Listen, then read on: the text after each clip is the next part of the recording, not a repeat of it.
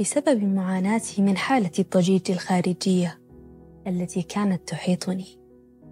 بسبب كما يعرف التلوث الضوضائي حيث يستقبلك وابل من الضوضاء نهار كل يوم.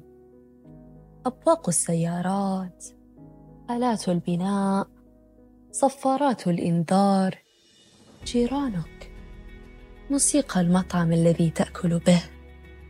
وغيرها الكثير من المصادر اليومية التي تحيطك بهالة من الذبذبات والموجات الصوتية وتبعاتها التي تؤثر على الدماغ وقدراته. فبين الصمت والصخب ما الذي نحتاج إليه بالفعل؟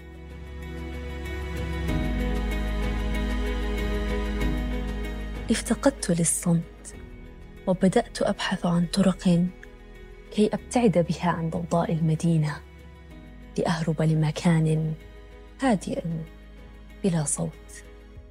مكان صامت.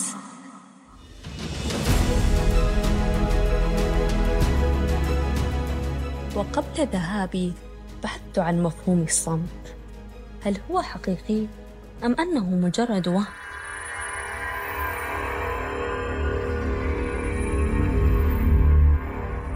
اثبت أحد الباحثين الأمريكيين أن السكون حالة افتراضية.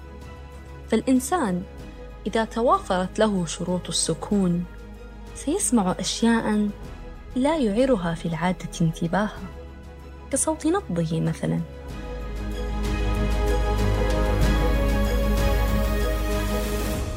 هذا الكلام لم يوقفني عن خوض تجربة السكون وبالفعل اتجهت للبر.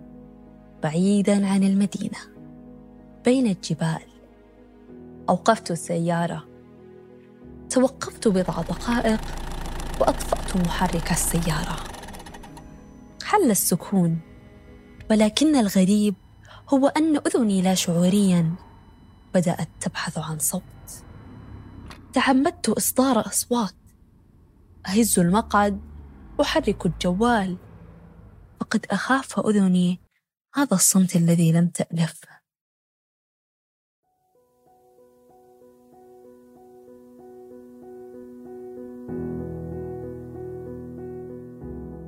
تمالكت نفسي ونزلت من السيارة.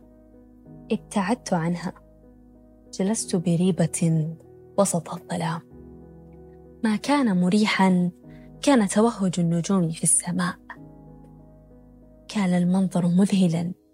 وكأنها طبقات وطبقات من العائلة النجمية.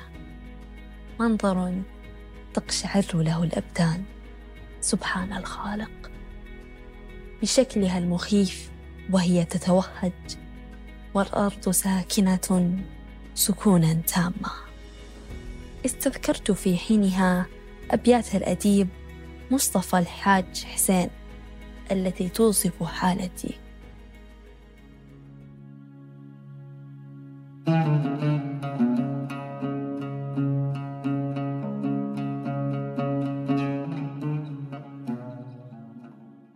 في رحاب الصمت. يتلعثم نبضي وأخجل من جفاف الضوء في أوردتي. تحطم توهج الدرب وماتت على ضفاف خطاي لوعة الحلم. ما بيني وبين النسمة جبال من الاختناق. وأشجار موت سامقة وينابيع سعير ترنو إلي المسافات وهي مشبعة بالحسرة وتلوح لي أبواب النهاية وأبصر أسوار العدم تحاصرني لهفتي الحائرة أين يتجه العمر بي؟ أين يتجه العمر بي؟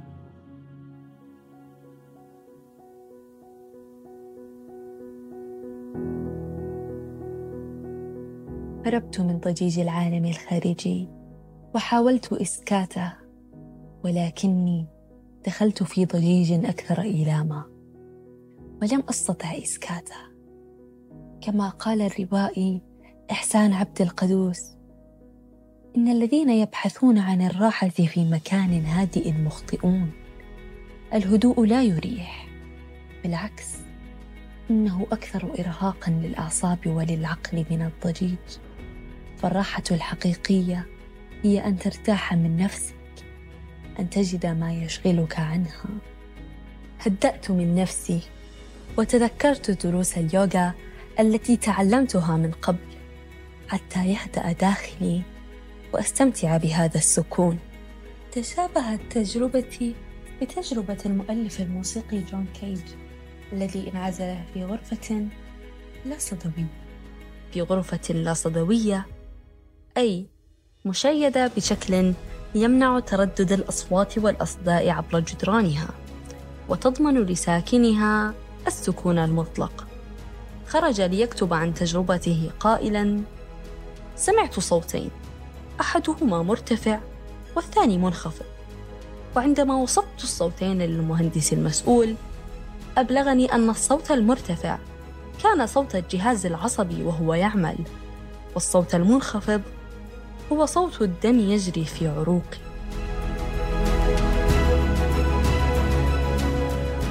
لكني عجبت من صوت الطنين الخافت. تذكرت نظرية بداية العالم والانفجار العظيم وتوسع الكون من بدايته من الكتلة الغير متشكلة والتي لا تزال تتوسع حتى الآن. هل هذا صوت انشقاقات الأرض وتوسعها؟ أم أنها النجوم؟ اختلطت علي الأصوات وقررت الفرار والعودة لحضن الضجيج.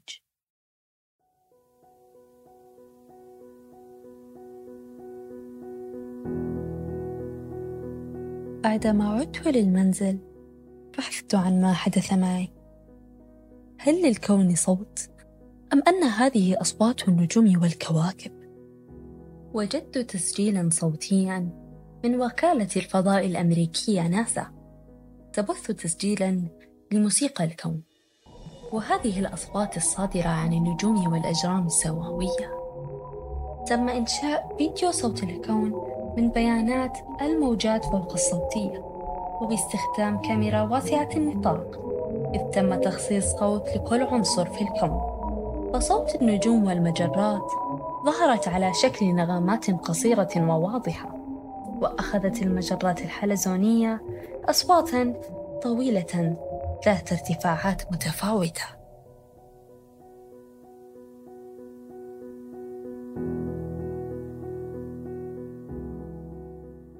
السؤال الذي راودني بعيدا عن جمال أصوات الكون والكواكب والأجرام السماوية صوت الطنين الذي أشعر به يطاردني هل من الإيجاب سماعه؟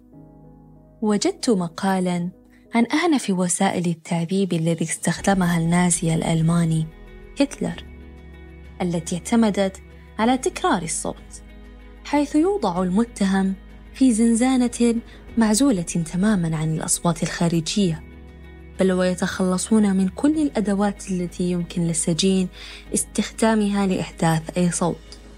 ثم يبدأون في إصدار أصوات منتظمة كل فترة قصيرة كل خمس ثوان على سبيل المثال.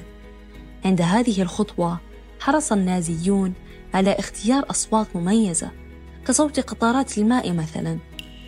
هذه الوسيلة التي كان يعتقد أنها غير مجدية أثبتت عكس ذلك على مر الزمان.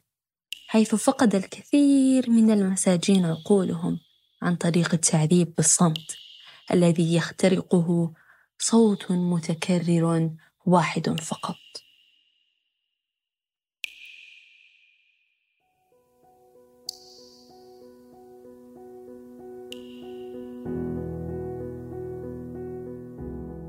فللسكون والهدوء جانب سلبي. كما يقول الفيلسوف الهندي المعادي للتأمل كريشينا مورتي.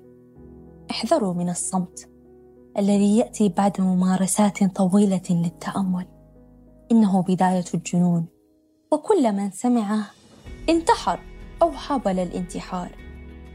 كانت هذه رسالة الفيلسوف الهندي المعادي لكل أشكال التأمل. ويعتبر أن الحالة التي يسعى إليها المتأملون ويسمونها السلام تخلق حربا بين الإنسان ونفسه.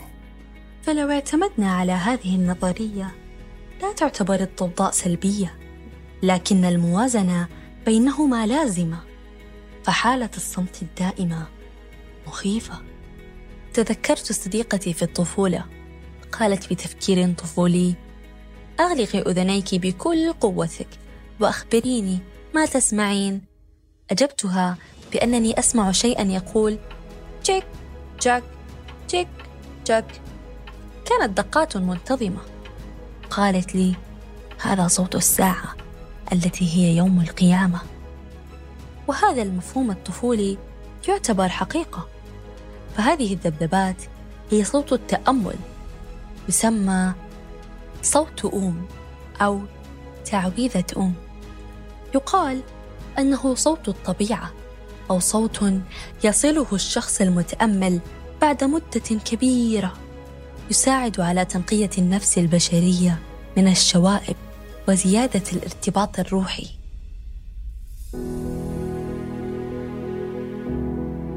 فلو تفكرنا كمسلمين أن هذا الصوت المرافق لنا ليس صوت نبضات القلب في الحقيقة إنما صوت تنبيه من الله. أن نعمل ونحسن العبادة قبل انطفاء هذا النبض. دمتم بود يا أصدقاء.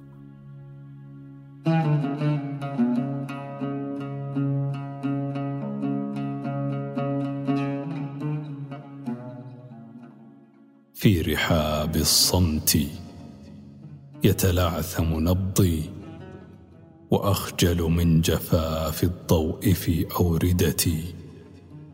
تحطم توهج الدرب وماتت على ضفاف خطاي لوعة الحلم. ما بيني وبين النسمة جبال من الاختناق وأشجار موت سامقة وينابيع سعير ترنو إلي المسافات وهي مشبعة بالحسرة. وتلوح لي أبواب النهاية وأبصر أسوار العدم تحاصرني لهفتي الحائرة. أين يتجه العمر بي؟ أين يتجه العمر بي؟